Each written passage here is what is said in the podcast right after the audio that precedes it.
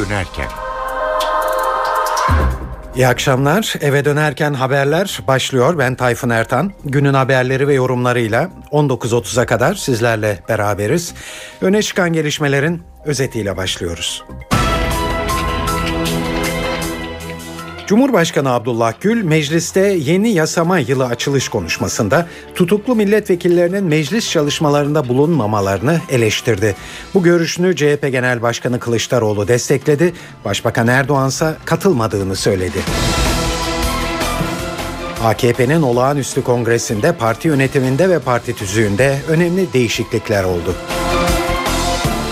Hafta sonu doğalgaza gelen zammın ardından bugün de elektriğe zam geldi. %10'u bulan zam faturalara bugünden itibaren yansıyor. Samanyolu şarkısıyla tanınan şarkıcı Berkant Akgürgen 74 yaşında İstanbul'da hayatını kaybetti. Berkant 1967 yılında Samanyolu şarkısıyla zirveye tırmanmıştı. Ve önce heykeli dikildi, sonra kadro dışı bırakıldı. Fenerbahçe'de kötü gidişin faturası Brezilyalı kaplan Alex de Souza'ya kesildi. Yönetim yıldız futbolcuyu süresiz kadro dışı bıraktı.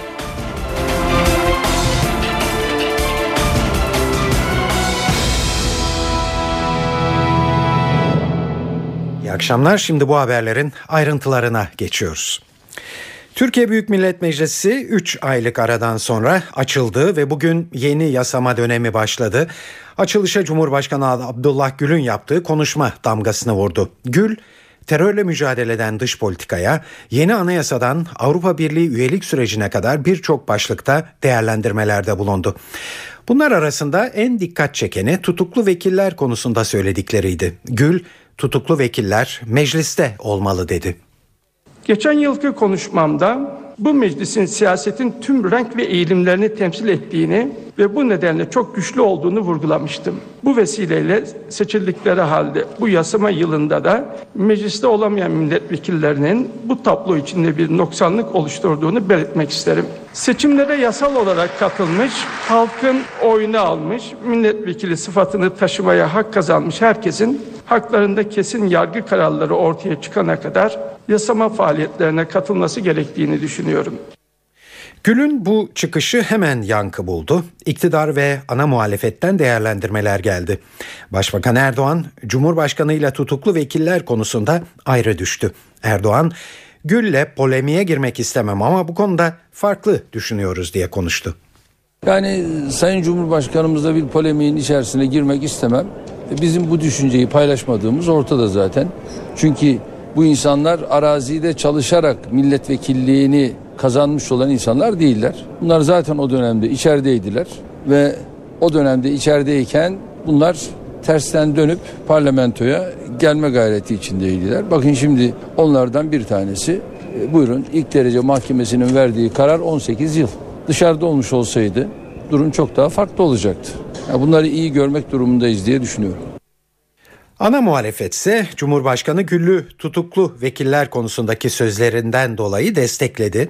CHP lideri Kemal Kılıçdaroğlu, Cumhurbaşkanını kutluyorum, vekillerin mecliste olmaması demokrasi ayıbıdır diye konuştu.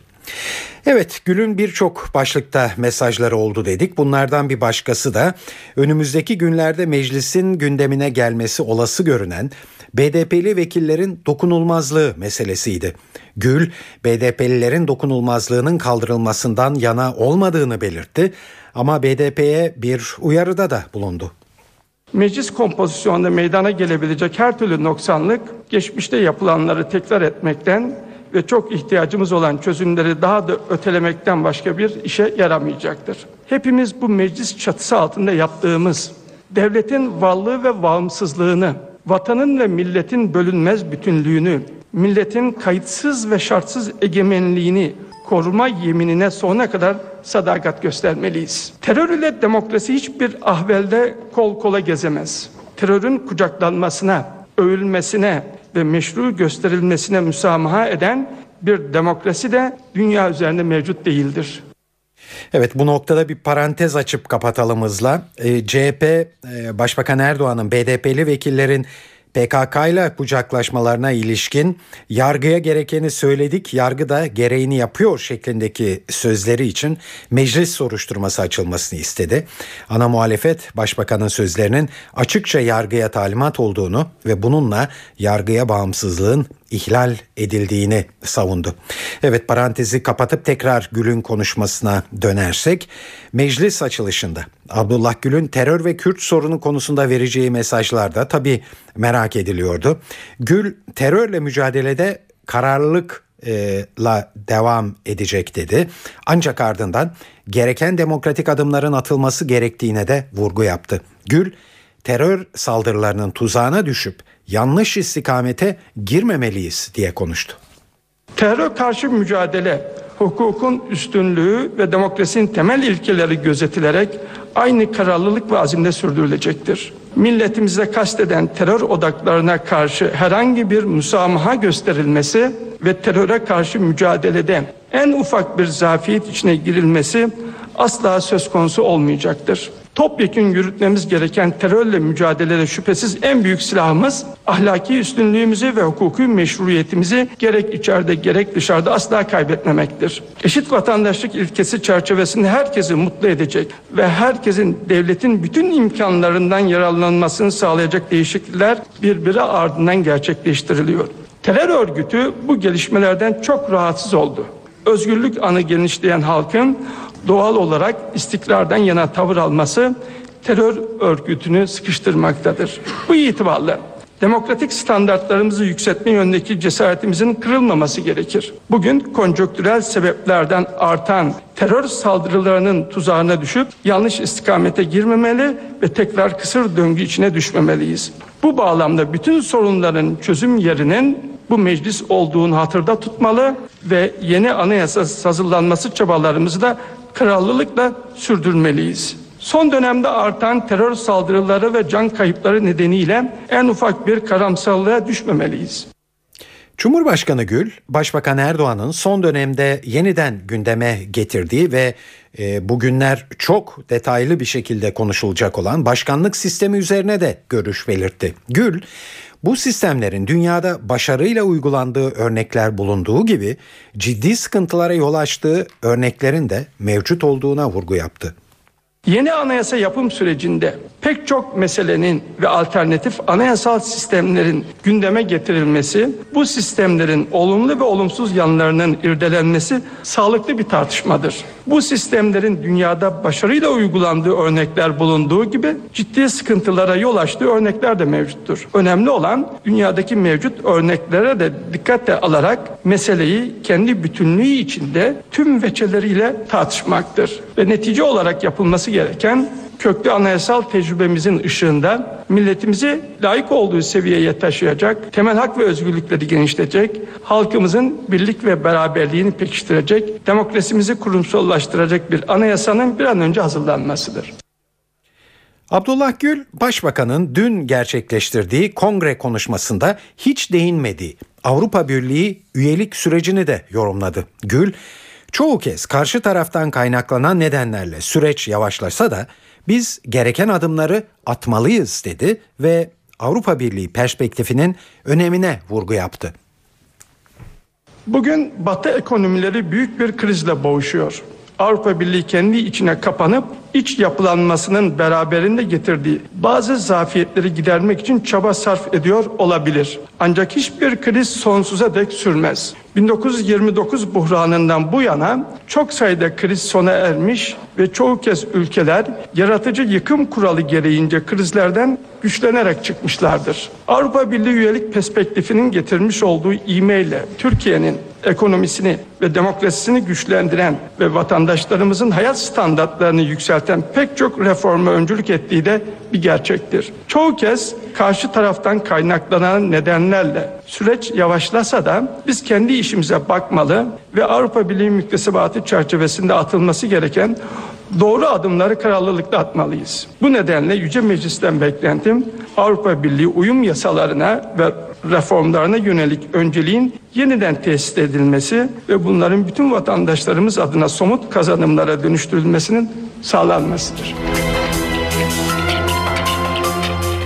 Şimdi Cumhurbaşkanı'nın değindiği bu bazı önemli konularda Ankara gazetecilerinden değerlendirmeler yansıtacağız size. Hürriyet gazetesi Ankara temsilcisi Metehan Demir özellikle bu son noktaya Avrupa Birliği vurgusunu dikkat çekiyor. Çok önemli bir abi e, bürokratı az önce kulisten çıkarken karşılaştım. Oh dedi bugün sıfır çekmedik dedi. Dün Sayın Başbakan'ın hani parti konuşmasıyla ama Avrupa Birliği ile ilgili cümlelere pek hani içermemesi, değinmemesi AB defterini galiba Türkiye kapattı. Genel konuşmada da özel vurgular yok. Ama Cumhurbaşkanı bugün en azından iki paragraf e, bir vurgu yaptı. AB uyum yasalarına ve reformlara yönelik önceliğin yeniden tesis edilmesi diyerek e, bugün AB ile ilgili bir cümle de olsa söyledi. Cumhurbaşkanının tutuklu milletvekillerinin meclis çalışmalarına katılıyor olmaları şeklindeki sözlerini ise Zaman Gazetesi Ankara temsilcisi Mustafa Ünal şöyle değerlendiriyor. Tutuklu milletvekili konusu hem siyasetin hem yargının konusu. Siyasi partilerin belli duruşları var. Partiler durdukları aynı noktada durmaya devam ediyorlar. Yani Cumhurbaşkanının bu konudaki görüşü de yeni değil. O benzer görüşünü kamuoyuna belki bu kadar açık meclisin açılışında değil e, meclisteki genel kurul salonuna tab- bakarak manzaraya bakarak dile getirmedi ama kamuoyuna yaptığı açıklamalarda uzun tutukluluk halleri tutuklu milletvekilleri konusunda e, benzer düşüncelerini gündeme getirmişti. Meclis başkanı kısa süre önce bu konuda bir girişimde de bulundu. AK Parti MYK'sı toplandı, konuyu tartıştı, görüştü. Konuya soğuk baktıkları, tutuklu milletvekilleriyle ilgili bir düzenlemeye gerek olmadı, gerek görmediklerini söylediler. Yani orada benim düşüncem, görüşüm şu, milletvekilleri, meslektaşımız da var aralarında, tutukluyken aday oldular. Burada siyasi partiler risk aldılar. Yani keşke siyaset daha yolun başında adaylık sürecinde daha dikkatli adım atılabilse. Daha sonra yargı e, siyasetin bazı hassasiyetlerini dikkate alabilse. Yani tutuksuzla yargılanabilirler yargı kararından sonra eğer bir cezai müeyyide çıkarsa yargının yaptırımı müeyyidesi o karardan sonra da uygulamaya kona, konabilir. Evet yeni yasama yılını açan meclisi bu dönem yoğun bir gündem bekliyor. Ekim ayı programı büyük ölçüde belli. Parlamentoda ilk olarak askere sınır ötesi harekat yetkisi veren tezkerenin süresinin bir yıl daha uzatılması konusu ele alınacak. Ardından yerel seçimin 27 Ekim 2013'te yapılmasına ilişkin anayasa teklifi var e, görüşülmesi gereken. Bu konulardaki ayrıntıları NTV muhabiri Ercan Gürses anlatıyor. Meclis yeni döneme yoğun bir gündemle giriyor. Mecliste çarşamba günü genel kurul toplantısında toplu iş ilişkileri yasa tasarısının görüşülmesiyle başlanacak. Bu yasa tasarısı 600 bin işçinin toplu sözleşmesinin önündeki en önemli engel olarak görülüyor. Meclisteki öncelikli gündem başlıklarından birisi de tezkere olacak. Perşembe günü sınır ötesi operasyon yetkisini bir yıl daha uzatan tezkerenin Başbakanlık tezkeresinin Meclis Genel Kurulu'nda görüşülerek kabul edilmesi bekleniyor. Mecliste aynı zamanda Anayasa Komisyonu da önemli bir gündem başlığı olacak. Meclis Anayasa Komisyonu yerel seçimlerin öne alınması 2013-2000'de yapılması ile ilgili anayasa değişiklik teklifini görüşecek. Bu konuda mutabakat olduğu için bir sorun yaşanması beklenmiyor. Teklifin kısa sürede genel kurula gelmesi bekleniyor. Yine terörle ilgili düzenlemelerin mecliste yapılacağını hatırlatmak lazım. Meclis Genel Kurulu'nda salı günü güncel e, gündemdeki sorular görüşülecek. Cumhurbaşkanı Abdullah Gül'ün de işaret ettiği gibi tutuklu vekillerle ilgili sorunun muhalefet tarafından yeniden gündeme getirilmesi meclisin yeni döneminde en çok karşılaşılacak konular arasında görünüyor. Ercan Gürses, NTV Radyo Ankara. Evet şimdi bir ara vereceğiz eve dönerken haberlere ama onun öncesinde İstanbul'daki yol durumuna hızla bir göz atalım. Büyükşehir Belediyesi Trafik Kontrol Merkezi'nden Murat Kazanasmas anlatıyor.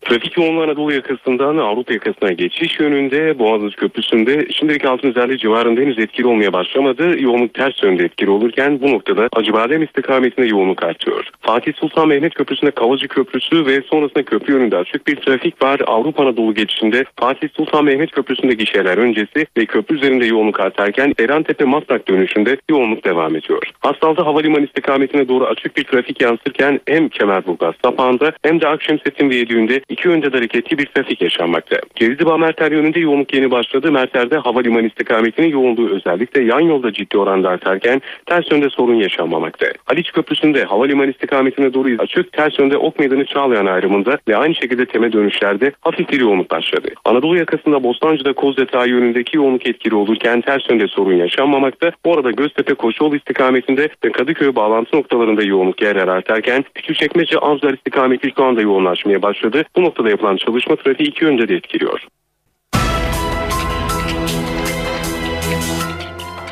Fenerbahçe'de Alex dönemi sona erdi. Önce heykeli dikildi, sonra kadro dışı bırakıldı ve Fenerbahçe Başkanı Alex de Souza takımıyla olan kontratını sonlandırdı. Alex gün içinde kadro dışı bırakılmasının ardından az önce Twitter hesabından bir açıklama yaptı. Yıldız futbolcu kontratımı sonlandırdım. Fenerbahçe ile yollarım ayrıldı. Hayatımın en üzücü imzası oldu. Fenerbahçe bir oyuncu kaybetti ama bir taraftar kazandı. Her şey için teşekkürler. Evet böyle diyordu Twitter hesabından yaptığı açıklama. Ayrıntıları NTV Spor muhabiri Aykut Yıldırım anlatıyor.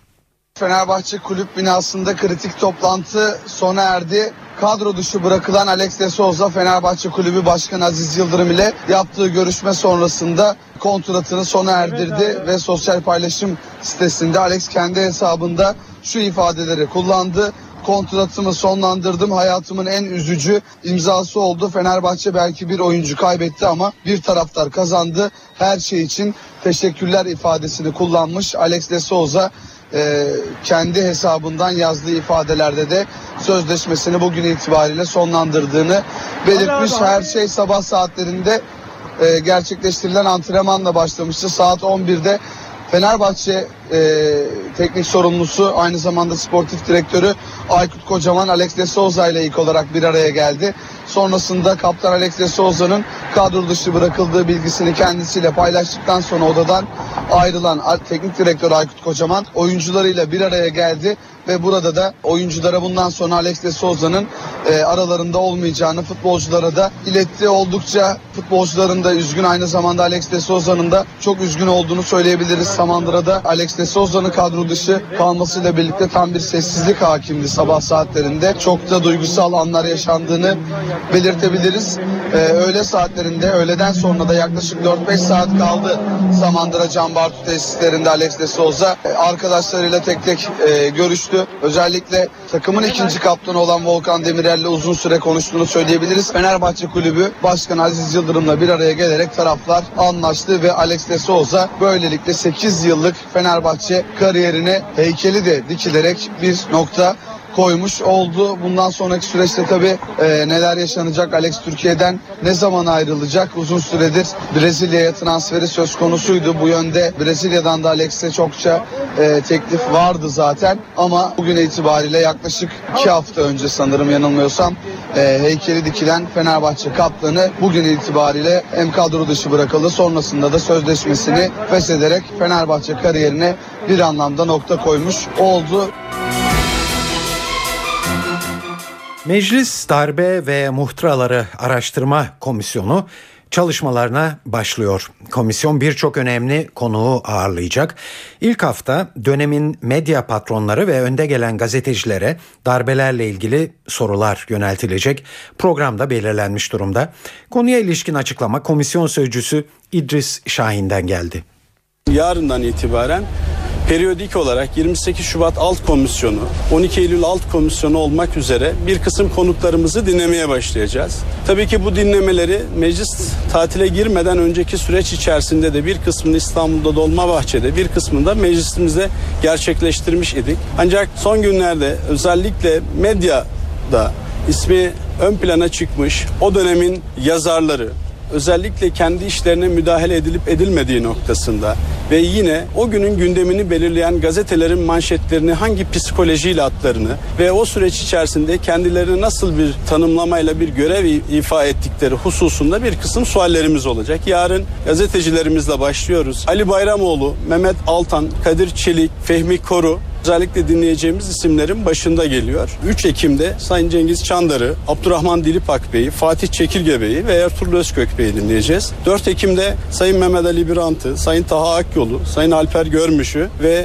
Sayın Canan Barlas ve Mehmet Barlas'ı. 5 Ekim günü ise medya patronlarımız olan o dönemin özellikle gündemde en fazla konuşulan isimleri olan Sayın Dinç Bilgin'i, Aydın Doğan Bey'i, Turgay Ciner Bey'i ve Mehmet Emin Kara Mehmet Bey'le birlikte Zafer Mutlu Bey'i bu hafta içerisinde dinleyeceğiz. Tabii ki 28 Şubat'ın en önemli aktörlerinden birisi olan Tansu Çiller. Sayın Tansu Çiller'le görüşmeleri bizzat komisyon başkanımız Nimet Baş hanımefendi gerçekleştirdi. Dolayısıyla kendisiyle yapmış olduğum görüşmede de önümüzdeki hafta içerisinde Tansu Hanım'ın gelerek e, komisyonumuza bilgi aktaracağını ifade etti. Hilmi Özkök Paşa ayın dördünde komisyon olarak dinleyeceğiz. Hafta sonu doğalgaza, bugün de elektriğe zam geldi. Üstelik her ikisi de aynı oranda. %9,8 oranındaki zam faturalara bugünden itibaren yansıyor. NTV muhabiri Ahmet Ergen'i dinliyoruz. Artan harcamalar ve hedefi aşan bütçe açığı nedeniyle ekonomi yönetimi uzunca bir süredir çalışmalarını sürdürüyordu. Sinyalini ise son günlerdeki açıklamalarıyla Başbakan Recep Tayyip Erdoğan vermişti. Elektrik ve doğalgazda zamlı yeni fiyatlar 1 Ekim itibariyle yürürlüğe girdi. BOTAŞ doğalgaz fiyatları için yeni tarifeyi %9,8 oranında artışla belirledi. Zamla birlikte 100 liralık bir doğalgaz faturası 109 lira 80 kuruşa yükseldi. Doğalgaz zammına paralel olarak elektrik fiyatları da arttı. Enerji Piyasası Düzenleme Kurulu 1 Ekim 31 Aralık tarihleri arasında geçerli olacak toptan elektrik satış fiyatında %10,1 oranında artış yaptı. Ancak toptan satış fiyatındaki bu artış elektrik fatura, faturalarına farklı oranlarda yansıyacak. Zammın oranı konutlarda kullanılan elektrik için %9,81. Konutlarda kullanılan elektrik için 100 liralık bir fatura güç bedeli ve diğer yan ücretler hariç 109 lira 81 kuruş olarak yeniden belirlendi. Elektrik zammının oranı sanayi kesimi için %4,03, ticarethaneler için ise %8,06. Ahmet Ergen, NTV Radyo Ankara. İktidar Partisi AKP dün dördüncü olağan kongresini gerçekleştirdi. Başbakan Erdoğan'ın son kez genel başkan seçildiği AK Parti'de üst yönetimin yanı sıra tüzük de değişti. Bunun ayrıntılarına birazdan bakacağız ancak önce Başbakan'ın kongrede yaptığı konuşmadan satır başlarını size yansıtalım.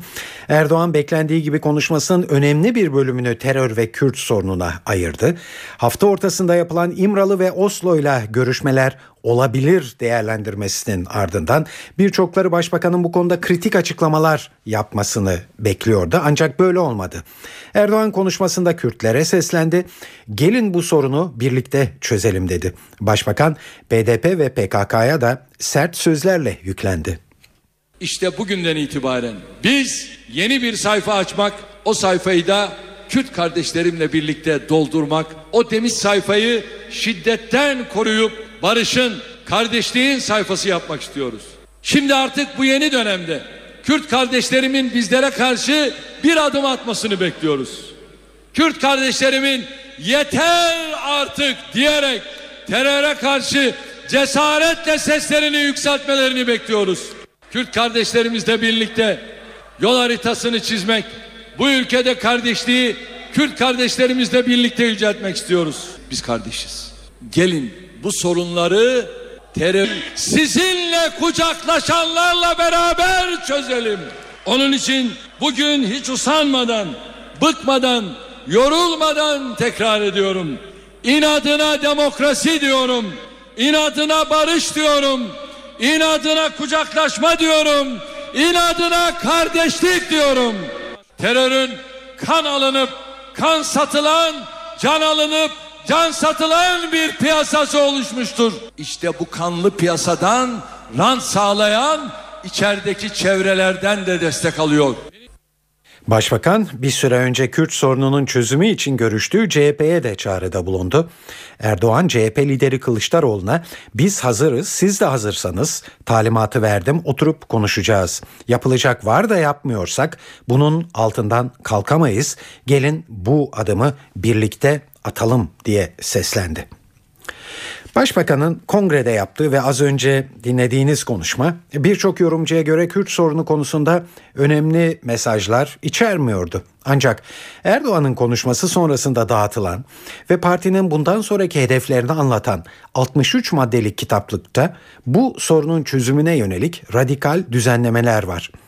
Ana dilde, mahkemelerde savunma, ana dilde kamu hizmeti alma, kamu hizmetlerinde Kürtçe tercümanlık gibi maddeler bunlardan birkaçı.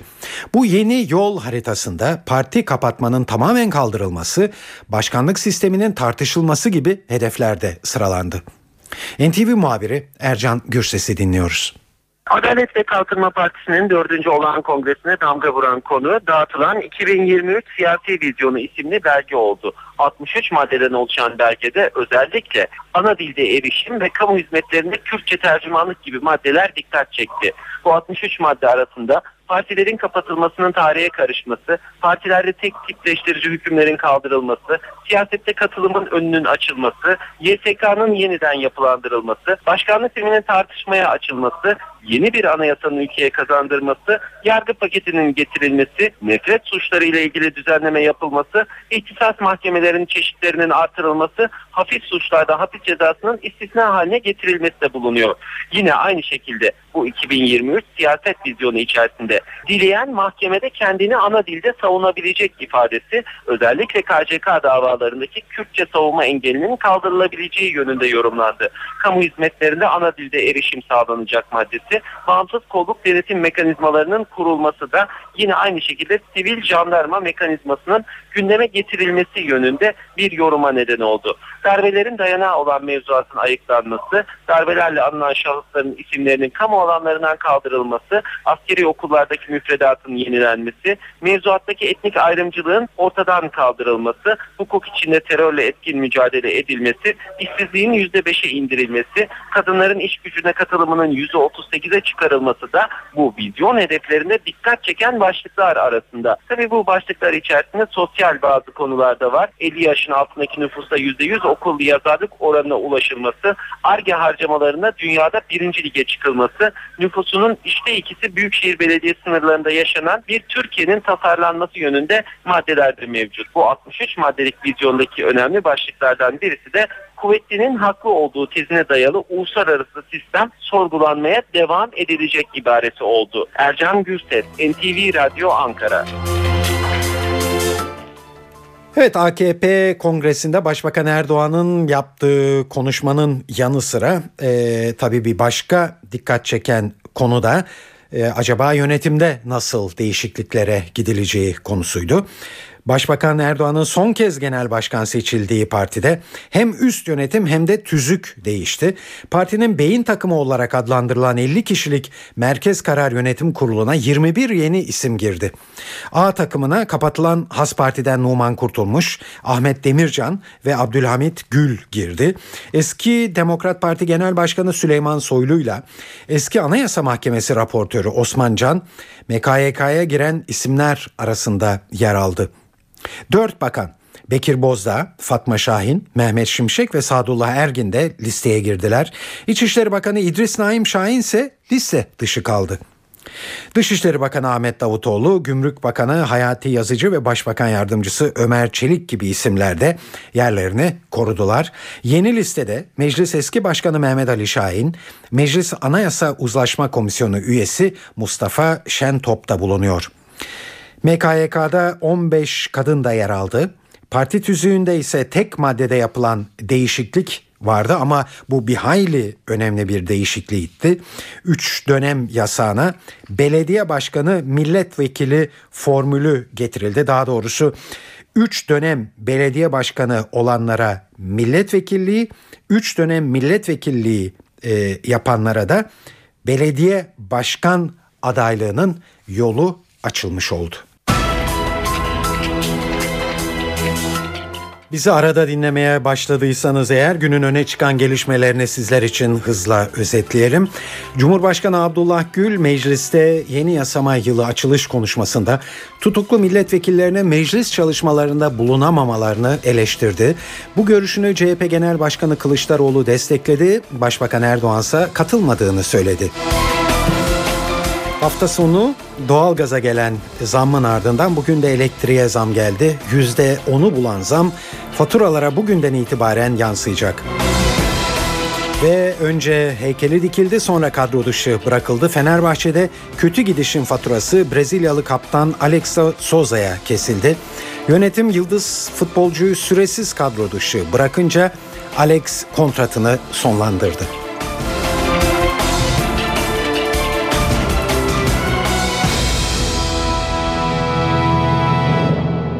Evet şimdi günün diğer gelişmeleriyle devam ediyoruz. Dışişleri Bakanı Ahmet Davutoğlu, İran kuzeyindeki bölgesel Kürt yönetiminin başkanı Mesut Barzani ile bir araya geldi. Görüşmede terörle mücadelede daha etkin işbirliği yapılması kararlaştırıldı. Ankara, Barzani'ye PKK'nın Suriye'deki uzantısı olan PYD konusundaki rahatsızlığını da iletti. Görüşmenin perde arkasını Ankara muhabirlerimizden Didem Tuncay'dan dinliyoruz. Dışişleri Bakanı Ahmet Davutoğlu AK Parti'nin dördüncü olan kongresi için Ankara'ya gelen Irak'ın kuzeyindeki bölgesel Kürt yönetiminin başkanı Mesut Barzani ile bir buçuk saat süren bir görüşme yaptı. İkili ilişkilerin yanı sıra terörle mücadele ele alındı görüşmede. Tarafların PKK terörüyle mücadelede daha etkin işbirliği yapılması konusundaki mevcut anlayışı teyit ettikleri bildirildi. PKK'nın uzantısı olan PYD de gündemdeydi. Dışişleri Bakanı Ahmet Davutoğlu PYD'nin faaliyetlerinden duyulan rahatsızlığı aktardı. Görüşmede ele alınan bir konuda Irak'taki siyasi kriz oldu. Barzani Türkiye ile Irak arasındaki ilişkilerin gelişmesine önem verdiklerini söyledi. E, Türkiye'nin bölgede ve uluslararası alanda giderek artan önemi bizim için de önemli şeklinde konuştu. Davutoğlu Barzani'nin ardından Irak İslam Partisi Genel Başkanı İyad Samaray, Irak Kürdistan İslam Partisi Genel Başkanı Muhammed Faraj ve Kürdistan Yurtseverler Birliği Genel Sekreter Yardımcısı Berham Salih ile görüştü. AK Parti Kongresi'ne Irak'tan çok sayıda parti liderinin katılmasının Türkiye-Irak ilişkilerinin düzeyini gösterdiğini söyledi. Dışişleri Bakanı Türkiye'nin din, dil, etnik ve mezhepsel ayrım yapmadığını ve Irak'ın tüm gruplarıyla diyaloğunu bu şekilde sürdürdüğünü de vurguladı. Türkiye'de AIDS yaygınlaşıyor. Bu açıklama Kızılay Genel Müdürü Ömer Taşlı'dan geldi. Taşlı bu artışa gerekçe olarak yurt dışına seyahatlerin artmasını gösterdi. Türkiye'nin bu son 10 yıldaki büyük zenginleşmesinin yansıması da yurt dışına çok fazla seyahat etme. Tabii çok daha başka toplumlarla çok daha fazla teması getiriyor karşılığında. Turist olarak insanlarımız seyahat ediyor. Bu seyahatlerde ihtiyacı olduğunda sağlık hizmeti kan veya kan ürünü aldığında o ülkelerin kan ve kan ürününü kullanmış oluyor. Bu nedenle HIV vakalarında bir artış eğilimi olduğu izlenimi var. Böyle net bir şey söylemek çok zor.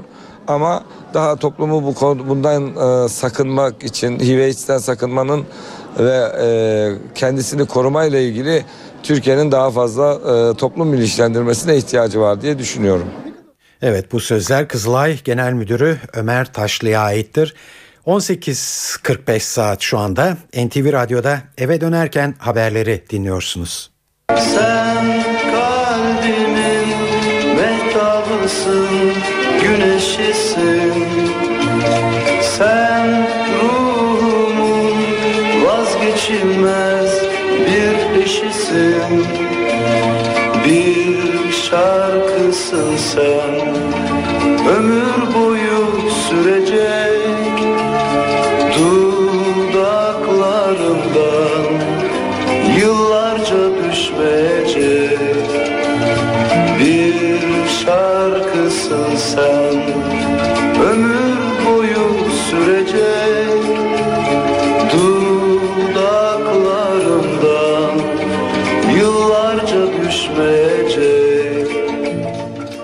Samanyolu şarkısıyla tanınan şarkıcı Berkant Akgürgen 74 yaşında İstanbul'da hayatını kaybetti.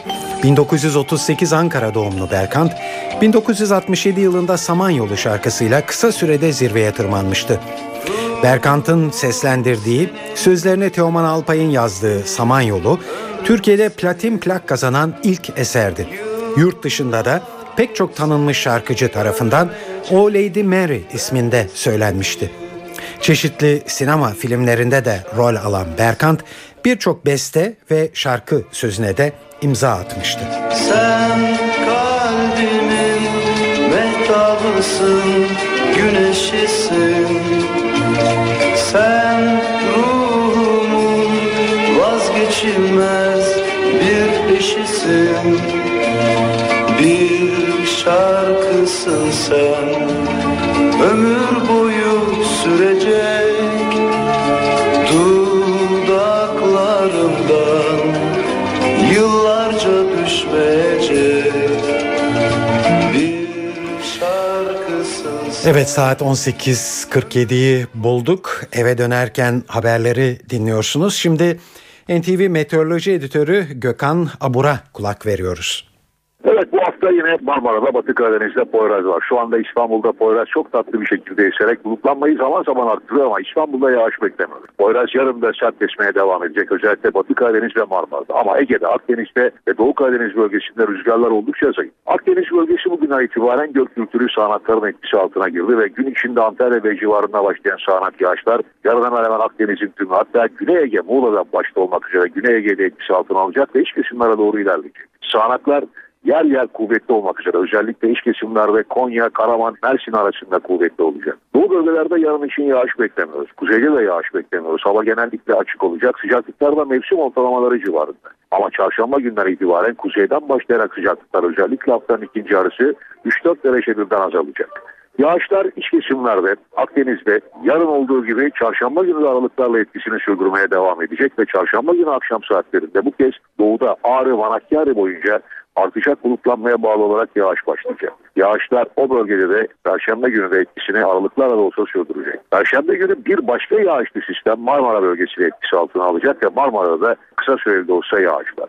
Evet Ekim ayının girmesiyle birlikte evet sıcaklıklar şu an itibariyle biraz yüksek ama Ekim'in özellikle ilk günlerine başlayan sağanak yağışlar Ekim'in ikinci haftasından sonra daha da güçlenecek ve sonbahar kendisini iyice hissettirmeye başlayacak. Evet şimdi NTV Radyo'da eve dönerken haberleri dünyada en çok dikkat çeken en çok konuşulan haberlerle sürdürüyoruz. Türkiye ve Katar'ın Suriyeli muhaliflere ağır silah yardımını durdurdukları iddia edildi. İngiltere'de yayınlanan Independent gazetesi Türkiye ve Katar'ın yardımın sürmesi için muhaliflerin saflarını birleştirmelerini şart koştuğunu yazdı. Suriyeli muhaliflerse bu talebin karşılanmasının şimdilik zor olduğunu söylüyor. Bazı milis komutanlarının elde ettikleri güçten vazgeçmek istemediklerine de özellikle işaret ediliyor. Birleşmiş Milletler'in Suriye özel temsilcisi Lahtar Brahimi'nin Şam'daki bürosunun sorumlusu Muhtar Lamani de Independent gazetesine Suriye muhalefetinin parçalanmışlığından şikayetçi oldu. We are opening a dialogue. I don't have an accurate number. Muhalefetle diyalog kurmak istiyoruz ama kaç grup bulunduğuna dair tam bir sayı yok. Bazıları 300'den az, bazıları ise 300'den fazla grup var diyor.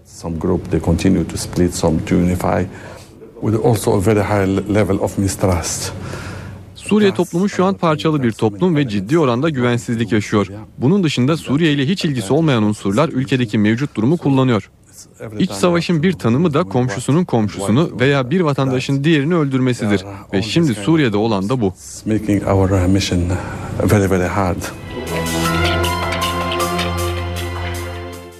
Libya'nın devrik lideri Muammer Kaddafi'nin öldürülmesiyle ilgili olarak yeni iddialar gündeme geldi.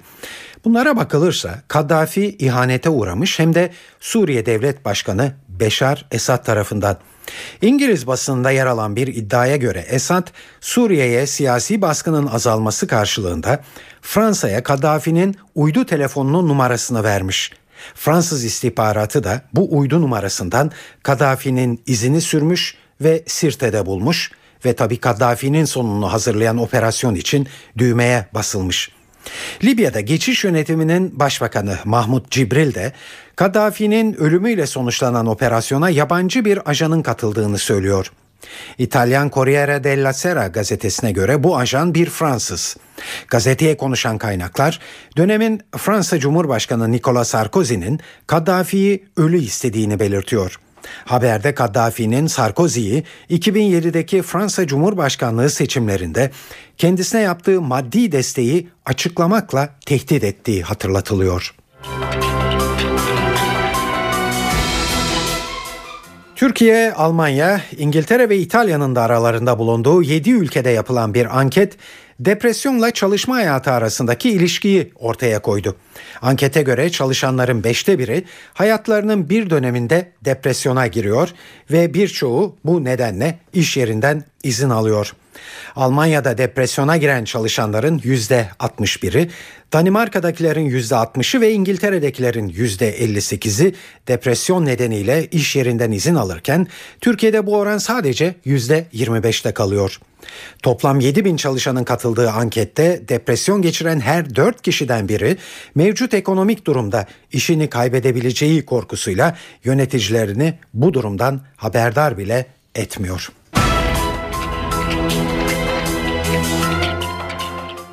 NTV Radyo'da eve dönerken haberleri dinliyorsunuz. Önce haberlerin özetiyle başlıyoruz. Önce heykeli dikildi sonra kadro dışı bırakıldı. Fenerbahçe'de kötü gidişin faturası Brezilyalı kaptan Alex de Souza'ya kesildi. Yönetim yıldız futbolcuyu süresiz kadro dışı bıraktı. Alex ise buna karşılık olarak kontratını sonlandırdığını açıkladı. Hafta sonu doğal gaza gelen zammın ardından bugün de elektriğe zam geldi. %10'u buna alan zam faturalara bugünden itibaren yansıyor. Cumhurbaşkanı Abdullah Gül mecliste yeni yasama yılı açılış konuşmasında tutuklu milletvekillerine meclis çalışmalarında bulunamamalarını eleştirdi. Bu görüşünü CHP Genel Başkanı Kılıçdaroğlu destekledi. Başbakan Erdoğan ise katılmadığını söyledi.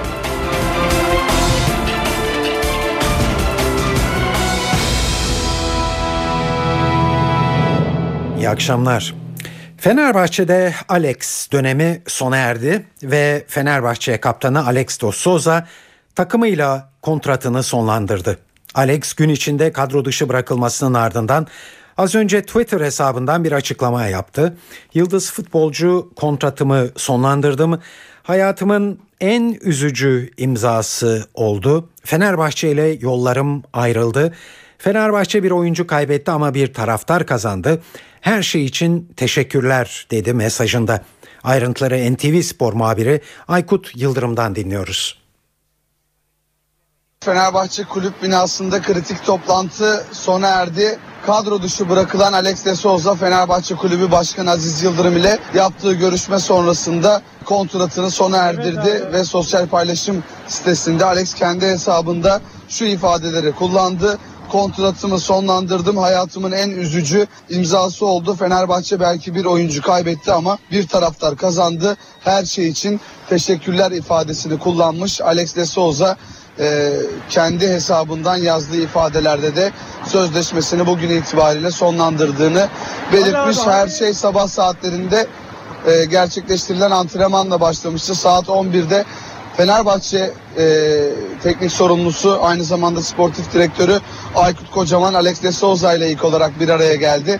Sonrasında kaptan Alex de Souza'nın kadro dışı bırakıldığı bilgisini kendisiyle paylaştıktan sonra odadan ayrılan teknik direktör Aykut Kocaman oyuncularıyla bir araya geldi ve burada da oyunculara bundan sonra Alex de Souza'nın e, aralarında olmayacağını futbolculara da iletti. Oldukça futbolcuların da üzgün aynı zamanda Alex de Souza'nın da çok üzgün olduğunu söyleyebiliriz. Samandıra'da Alex de Souza'nın kadro dışı kalmasıyla birlikte tam bir sessizlik hakimdi sabah saatlerinde. Çok da duygusal anlar yaşandığını belirtebiliriz.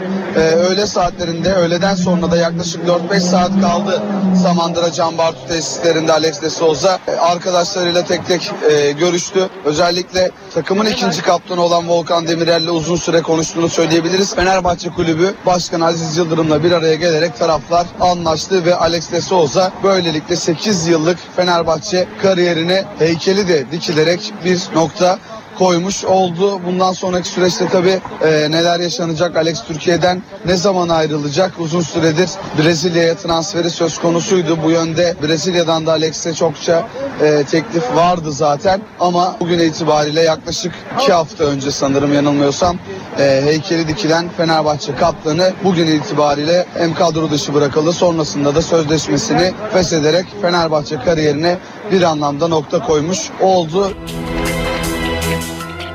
Süper Lig'de 6. hafta bu akşam oynanacak Beşiktaş-Sivas Spor maçıyla tamamlanıyor. Siyah beyazlar 3 büyük takımın puan kaybettiği haftada kazanıp zirveyi zorlamak istiyor. İnönü stadında yapılacak maçın son notlarını NTV Spor muhabiri Hakan, Hakan Gündoğar'dan alıyoruz.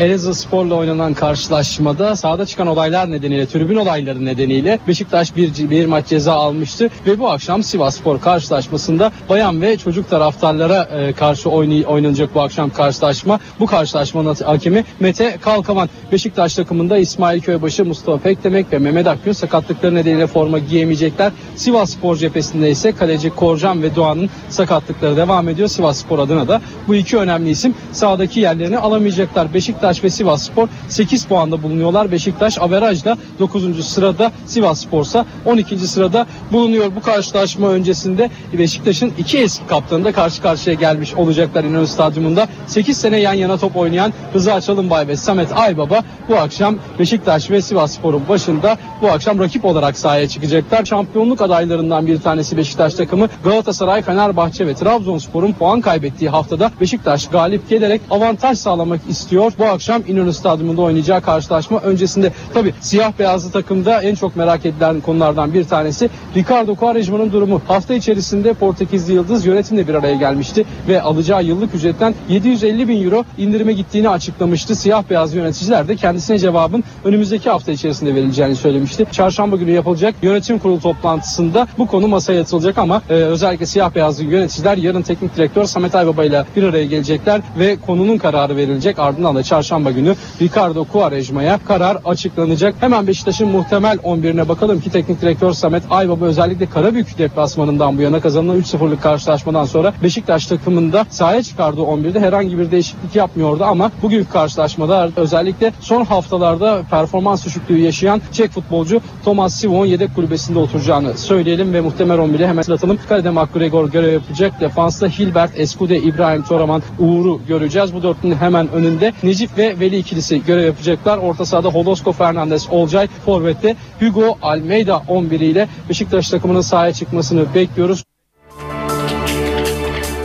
Evet bir futbol haberi kısacık onu da ekleyelim. Süper Lig ekiplerinden Kasımpaşa İrlandalı teknik adam Roy Keane ile anlaştı. Keane bu akşam İstanbul'a gelecek ve yarın resmi sözleşmeye imza atacak. Hafta sonu doğalgaza bugün de elektriğe zam geldi. Üstelik her ikisi de aynı oranda %9,8 oranındaki zamlar bugünden itibaren yansıyor faturalara. NTV muhabiri Ahmet Ergen'e deniyoruz. Artan harcamalar ve hedefi aşan bütçe açığı nedeniyle ekonomi yönetimi uzunca bir süredir çalışmalarını sürdürüyordu. Sinyalini ise son günlerdeki açıklamalarıyla Başbakan Recep Tayyip Erdoğan vermişti. Elektrik ve doğalgazda zamlı yeni fiyatlar 1 Ekim itibariyle yürürlüğe girdi. BOTAŞ doğalgaz fiyatları için yeni tarifeyi %9,8 oranında artışla belirledi. Zamla birlikte 100 liralık bir doğalgaz faturası 109 lira 80 kuruşa yükseldi. Doğalgaz zammına paralel olarak elektrik fiyatları da arttı. Enerji Piyasası Düzenleme Kurulu 1 Ekim 31 Aralık tarihleri arasında geçerli olacak toptan elektrik satış fiyatında %10,1 oranında artış yaptı. Ancak toptan satış fiyatındaki bu artış elektrik faturalarına farklı oranlarda yansıyacak. Zammın oranı konutlarda kullanılan elektrik için %9,81. Konutlarda kullanılan elektrik için 100 liralık bir fatura güç bedeli ve diğer yan ücretler hariç 109 lira 81 kuruş olarak yeniden belirlendi. Elektrik zammının oranı sanayi kesimi için %4,03, ticarethaneler için ise %8,06. Ahmet Ergen, NTV Radyo Ankara. Şimdi para ve sermaye piyasalarında bugünkü gelişmeleri yansıtacağız sizlere. CNBC'den Benel Hızarcı'yı dinliyoruz. Piyasalar yeni haftanın ilk gününe tedirgin başlasa da ilerleyen dakikalarda toparlandı. Sabah Çin'den gelen imalat verileri Çin'de yavaşlamanın devam ettiğine işaret ediyordu. Bu veriler bir miktar tedirginlik yaratsa da ilerleyen dakikalarda göz ardı edildi. Amerikan vadeli işlemleri artıda seyrediyordu. Asya'da da pek çok piyasa aslında bugün tatil nedeniyle kapalıydı. Gün boyunca Avrupa artıda seyretmeye devam etti. İstanbul Menkul Kıymetler Borsası biraz daha negatif ayrıştı ilk yarıda. Yapılan son zamlar ve hisse bazlı hareketlerle birlikte e, borsada daha e, negatif bölgede bir seyir izledik. Ancak günün ikinci yarısı toparlanma adına içeriye de yansıyan bir hareketliliğe sahne oldu. İspanya Maliye Bakanı'nın Avrupa Merkez Bankası'ndan yardım isteyebilecekleri yönündeki haber piyasalardaki hareketliliği artırdı. Amerika'da da ISM imalat endeksinin iyi gelmesiyle birlikte toparlanma hızlandı. Ve bu hızlanmaya kayıtsız kalamadı İMKB ve o da artıya geçerek günü %0,54'lük değer artışıyla 66.754 puandan tamamladı. Gösterge bileşik faize baktığımız zaman yine zamların enflasyonist e, etkisini göz önünde bulunduruyor diyebiliriz tahvil bono piyasası. E, Burada kar satışları da diyebileceğimiz satışlar bu haberlerle birlikte devam ediyor. Hala %7,5 seviyesinin üzerinde e, izliyoruz gösterge bileşik faizi. Bugünün kapanışı da %7,56 oldu. E, Dolar Türk Lirası'nın da günü 1.79 ondan tamamladığını gördük. E, bu hafta yurt dışında hem Avrupa Merkez Bankası'nın toplantısını hem de Amerika tarafında tarım dışı istihdam verisini takip edeceğiz. Oldukça önemli her iki gelişmede içeride de bizim en önemli gündemimiz çarşamba günkü enflasyon verileri olacak. Yapılan bu son enerji zamları tabii ki Eylül enflasyonuna yansımayacak ancak daha öncesinde alkollü içecekler, akaryakıt ve otomotive gelen ÖTV düzenlemelerinin e, bu ayki enflasyona yansıması bekleniyor. CNBC olarak yaptığımız ankete göre bu ay enflasyon TÜFE'de %1,04 bekleniyor. Eve dönerken haberler birazdan devam edecek. Reklam Hayatta direkt olmakta fayda var. Bankacılıkta neden olmasın? Akbank Direkt mobil uygulaması hizmetinizde. Türkiye'de ilk defa tek şifreyle tüm bankacılık hizmetleri parmağınızın ucunda. Üstelik kredi kartı bilgilerinizle de uygulamaya giriş yapabilirsiniz. Siz de kolaylığı seçin. Mobil yazın 4425'e gönderin direkt cebinize gelelim. Akbank sizin için. NTV Radyo Mimarisiyle yeni bir çağ açan Maslak 1453 5 Ekim'de satışta.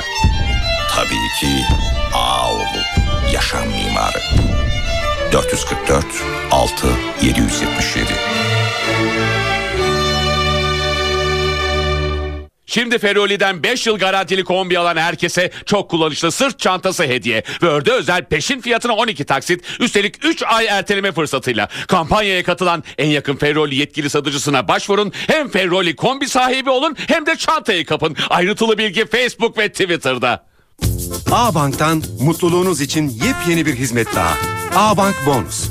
Hemen A-Bank Bonus'a başvurun, binlerce üye iş yerinde harcadıkça kazanın, kazandıkça mutlu mutlu harcayın. Alışveriş keyfini hem taksitli hem de bonuslu yaşayın.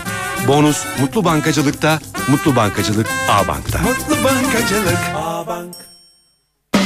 Tekstil boyama ve baskı sektöründe kullanılan tüm boyar maddeler, pigmentler ve tekstil kimyasalları bu fuarda. Türkkem Interday Eurasia 11-14 Ekim'de İstanbul Fuar Merkezi'nde. Bilgi için artkim.com.tr Vingo seni Avrupa'ya fırsatlarla uçuruyor.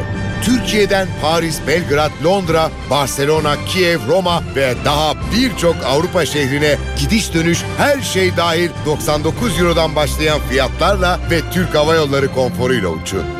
Vingo, uçmanın en keyifli ve akıllı yolu o. Takım Tezgahları Fuarı TATEF 2-7 Ekim'de 14. kez her zamanki adresi Yeşilköy CNR Expo'da. Babam, canım babam. Hayal evim gerçek olsun. Evim Rings İstanbul olsun. Masallardan bile güzel hayatlar için Rings İstanbul var. 444 86 çift 0 ringsistanbul.com Rings İstanbul bir Selin yapı projesidir. Teslimat kapıda, ödeme kapıda. Tahsilatlı kargoyla alışveriş kapıda. İşinize yakışır, sizin için çalışır. Aras Kargo bu, önem taşır. Aras Kargo bu, önem taşır. Türkiye'nin penceresi Egefen Dikoning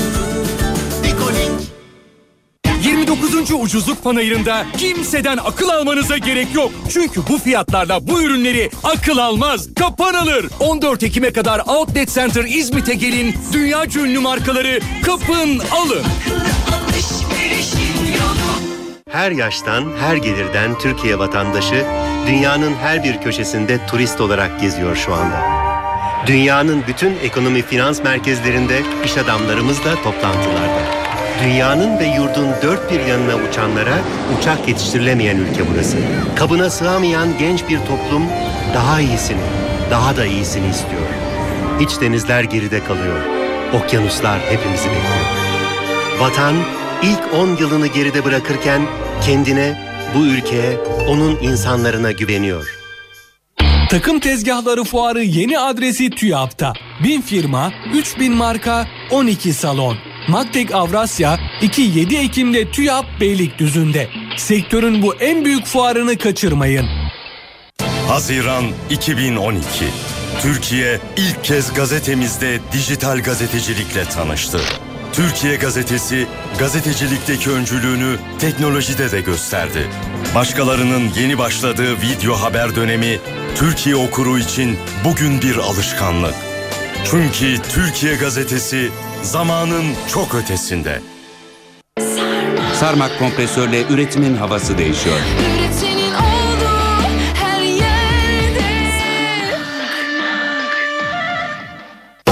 Amerika'dan Çin'e, Almanya'dan Japonya'ya kadar global iş dünyasına yön veren 11 ülkede okuyucularıyla buluşan dünyanın en saygın yönetim yayını Harvard Business Review şimdi Türkiye'de ve Türkçe. İş dünyasının küresel yönetici ve liderlerine yön veren Harvard Business Review Türkiye bayilerde. Mimarisiyle yeni bir çağ açan Maslak 1453 projesi 3 Ekim'de Dubai Uluslararası Gayrimenkul Fuarı'nda. Ağoğlu, yaşam mimarı. NTV Radyo Yıllar da geçse akıllardan çıkmayan o nefis tatlar Yorsan'da. Yersan Reklam Saat 19.16 NTV Radyo'da eve dönerken haberler devam ediyor. Türkiye Büyük Millet Meclisi bugün 3 aylık aradan sonra e, yeniden çalışmaya başladı. Yeni yasama döneminin açılışına Cumhurbaşkanı Abdullah Gül'ün yaptığı konuşma tabi damgasını vurdu. Gül terörle mücadeleden dış politikaya, yeni anayasadan Avrupa Birliği üyelik sürecine kadar birçok başlıkta değerlendirmeler yaptı. Bunlar arasında en dikkat çekeni tutuklu vekiller konusunda söyledikleriydi. Gül, tutuklu vekiller mecliste olmalı dedi. Geçen yılki konuşmamda bu meclisin siyasetin tüm renk ve eğilimlerini temsil ettiğini ve bu nedenle çok güçlü olduğunu vurgulamıştım. Bu vesileyle seçildikleri halde bu yasama yılında da mecliste olamayan milletvekillerinin bu tablo içinde bir noksanlık oluşturduğunu belirtmek isterim. Seçimlere yasal olarak katılmış, halkın oyunu almış, milletvekili sıfatını taşımaya hak kazanmış herkesin haklarında kesin yargı kararları ortaya çıkana kadar yasama faaliyetlerine katılması gerektiğini düşünüyorum. Gül'ün bu çıkışı hemen yankı buldu. İktidar ve ana muhalefetten değerlendirmeler geldi. Başbakan Erdoğan, Cumhurbaşkanıyla tutuklu vekiller konusunda ayrı düştüler. Erdoğan, Gül'le polemiğe girmek istemem ama bu konuda farklı düşünüyoruz dedi. Yani Sayın Cumhurbaşkanımızla bir polemiğin içerisine girmek istemem. Bizim bu düşünceyi paylaşmadığımız ortada zaten. Çünkü bu insanlar arazide çalışarak milletvekilliğini kazanmış olan insanlar değiller. Bunlar zaten o dönemde içerideydiler ve o dönemde içerideyken bunlar tersten dönüp parlamentoya gelme gayreti içindeydiler. Bakın şimdi onlardan bir tanesi e, buyurun ilk derece mahkemesinin verdiği karar 18 yıl. Dışarıda olmuş olsaydı durum çok daha farklı olacaktı. Yani bunları iyi görmek durumundayız diye düşünüyorum. Başbakan böyle diyordu. Ana muhalefetse Gül'ü tutuklu vekiller konusundaki sözlerinden dolayı destekledi. CHP lideri Kemal Kılıçdaroğlu, Cumhurbaşkanını kutluyorum, vekillerin mecliste olmaması demokrasi ayıbıdır diye konuştu. Tabi Cumhurbaşkanı Gül'ün birçok başlık altında mesajları vardı. Bunlardan bir başkası önümüzdeki günlerde meclisin gündemine gelmesi olası görünen BDP'li vekillerin dokunulmazlığı konusuydu. Gül BDP'lilerin dokunulmazlığının kaldırılmasından yana olmadığını belirtti ama BDP'ye bir uyarıda da bulundu. Meclis kompozisyonunda meydana gelebilecek her türlü noksanlık geçmişte yapılanları tekrar etmekten ve çok ihtiyacımız olan çözümleri daha da ötelemekten başka bir işe yaramayacaktır. Hepimiz bu meclis çatısı altında yaptığımız devletin varlığı ve bağımsızlığını, vatanın ve milletin bölünmez bütünlüğünü, milletin kayıtsız ve şartsız egemenliğini koruma yeminine sonuna kadar sadakat göstermeliyiz. Terör ile demokrasi hiçbir ahvelde kol kola gezemez. Terörün kucaklanmasına, övülmesine ve meşru gösterilmesine müsamaha eden bir demokrasi de dünya üzerinde mevcut değildir. Meclis açılışında Abdullah Gül'ün terör ve Kürt sorunu konusunda neler söyleyeceği merak ediliyordu. Gül terörle mücadele kararlılıkla sürecek dedi ancak ardından gereken demokratik adımların atılması gerektiğine de vurgu yaptı. Gül terör saldırılarının tuzağına düşüp yanlış istikamete girmemeliyiz dedi. Terör karşı mücadele hukukun üstünlüğü ve demokrasinin temel ilkeleri gözetilerek aynı kararlılık ve azimle sürdürülecektir. Milletimize kasteden terör odaklarına karşı herhangi bir müsamaha gösterilmesi ve teröre karşı mücadelede en ufak bir zafiyet içine girilmesi asla söz konusu olmayacaktır topyekun yürütmemiz gereken terörle mücadelede şüphesiz en büyük silahımız ahlaki üstünlüğümüzü ve hukuki meşruiyetimizi gerek içeride gerek dışarıda asla kaybetmemektir. Eşit vatandaşlık ilkesi çerçevesinde herkesi mutlu edecek ve herkesin devletin bütün imkanlarından yararlanmasını sağlayacak değişiklikler birbiri ardından gerçekleştiriliyor. Terör örgütü bu gelişmelerden çok rahatsız oldu. Özgürlük anı genişleyen halkın doğal olarak istikrardan yana tavır alması terör örgütünü sıkıştırmaktadır. Bu itibarla demokratik standartlarımızı yükseltme yönündeki cesaretimizin kırılmaması gerekir. Bugün konjonktürel sebeplerden artan terör saldırılarının tuzağına düşüp yanlış istikamete girmemeli ve tekrar kısır döngü içine düşmemeliyiz.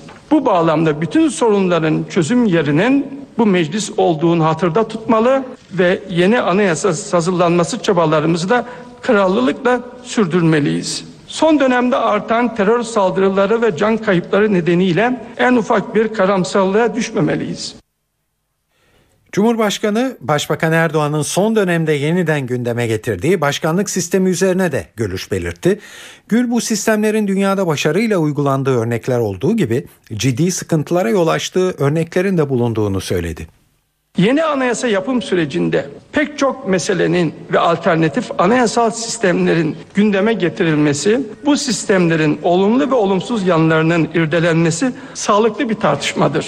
Bu sistemlerin dünyada başarıyla uygulandığı örnekler bulunduğu gibi ciddi sıkıntılara yol açtığı örnekler de mevcuttur. Önemli olan dünyadaki mevcut örneklere de dikkatle alarak meseleyi kendi bütünlüğü içinde tüm veçeleriyle tartışmaktır. Ve netice olarak yapılması gereken köklü anayasal tecrübemizin ışığında milletimizi layık olduğu seviyeye taşıyacak, temel hak ve özgürlükleri genişletecek, halkımızın birlik ve beraberliğini pekiştirecek, demokrasimizi kurumsallaştıracak bir anayasanın bir an önce hazırlanmasıdır.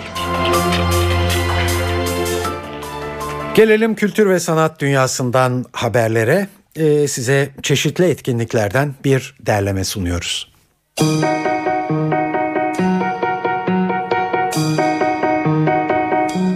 Beyoğlu sinemasında bugün Abbas Kiarostami'nin Sevmek Gibi adlı filmini görebilirsiniz.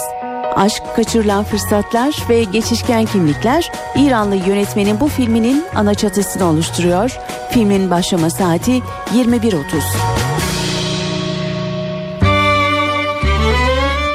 yıl Antalya Altın Portakal Film Festivali'nde uluslararası yarışma bölümünün jüri başkanlığını üstlenen İstvan Sabo imzalı Kapı adlı filmde Nişantaşı Stiz'de gösteriliyor. Bu filmin başlama saati de 21.30. R.E.M., The Poses ve Big Star gibi ünlü gruplarla çalan Ken Stringfellow bugün Nardis Jazz Club'a konuk oluyor. Konseri saat 21.30'da başlayacak. Merhaba, this is Ken Stringfellow. Uh, I'll be performing my first ever concert uh, tonight at the Nardis Jazz Club in Istanbul. And uh, I hope you'll come and you're listening to NTV Radio. Geçen sezonun sevilen tiyatro oyunlarından biri olan Önce Bir Boşluk Oldu Kalp Gidince ama Şimdi İyi'yi de bu akşam Şişli Blackout sahnesinde görebilirsiniz. Lucy Kirkwood'un yazdığı Mehmet Ergen'in yönettiği oyunda insan kaçakçılığı konusuna dikkat çekiliyor. Esra Bezen Bilgin ve Güliz Gençoğlu'nun rol aldığı oyunun başlama saati 20.30. Ankara'ya bakalım. Doğu Batı ile buluşuyor temasıyla bu yıl üçüncüsü düzenlenen Uluslararası Şefika Kutluer Festivali devam ediyor. Festival kapsamında bugün Kore Milli Orkestrası konseri var. Konser saat 20'de MEP Şura Salonu'nda olacak. Akşam evde olacaksanız CNBC-E'de başrolünde Ben Affleck'in yer aldığı The Sum of All Fears adlı filmi izleyebilirsiniz. Politik gerilim türünün öne çıkan yazarlarından Tom Clancy'nin aynı adlı çok satan romanından uyarlanan film, günümüzün en güncel korkularından biri olan nükleer savaş endişesi üzerine odaklanıyor. Film saat 22'de başlayacak. Öncesinde ise CNBC-E'de saat 19'da Better With You, 20'de The Axis ve 21'de CSI New York dizileri ekranda olacak. Geldik bir eve dönerken programının daha sonuna. Bu programın editörlüğünü Sevan Kazancı, stüdyo teknisyenliğini de İsmet Tokdemir yaptı. Ben Tayfun Ertan. Hepinize iyi akşamlar diliyorum. Hoşçakalın.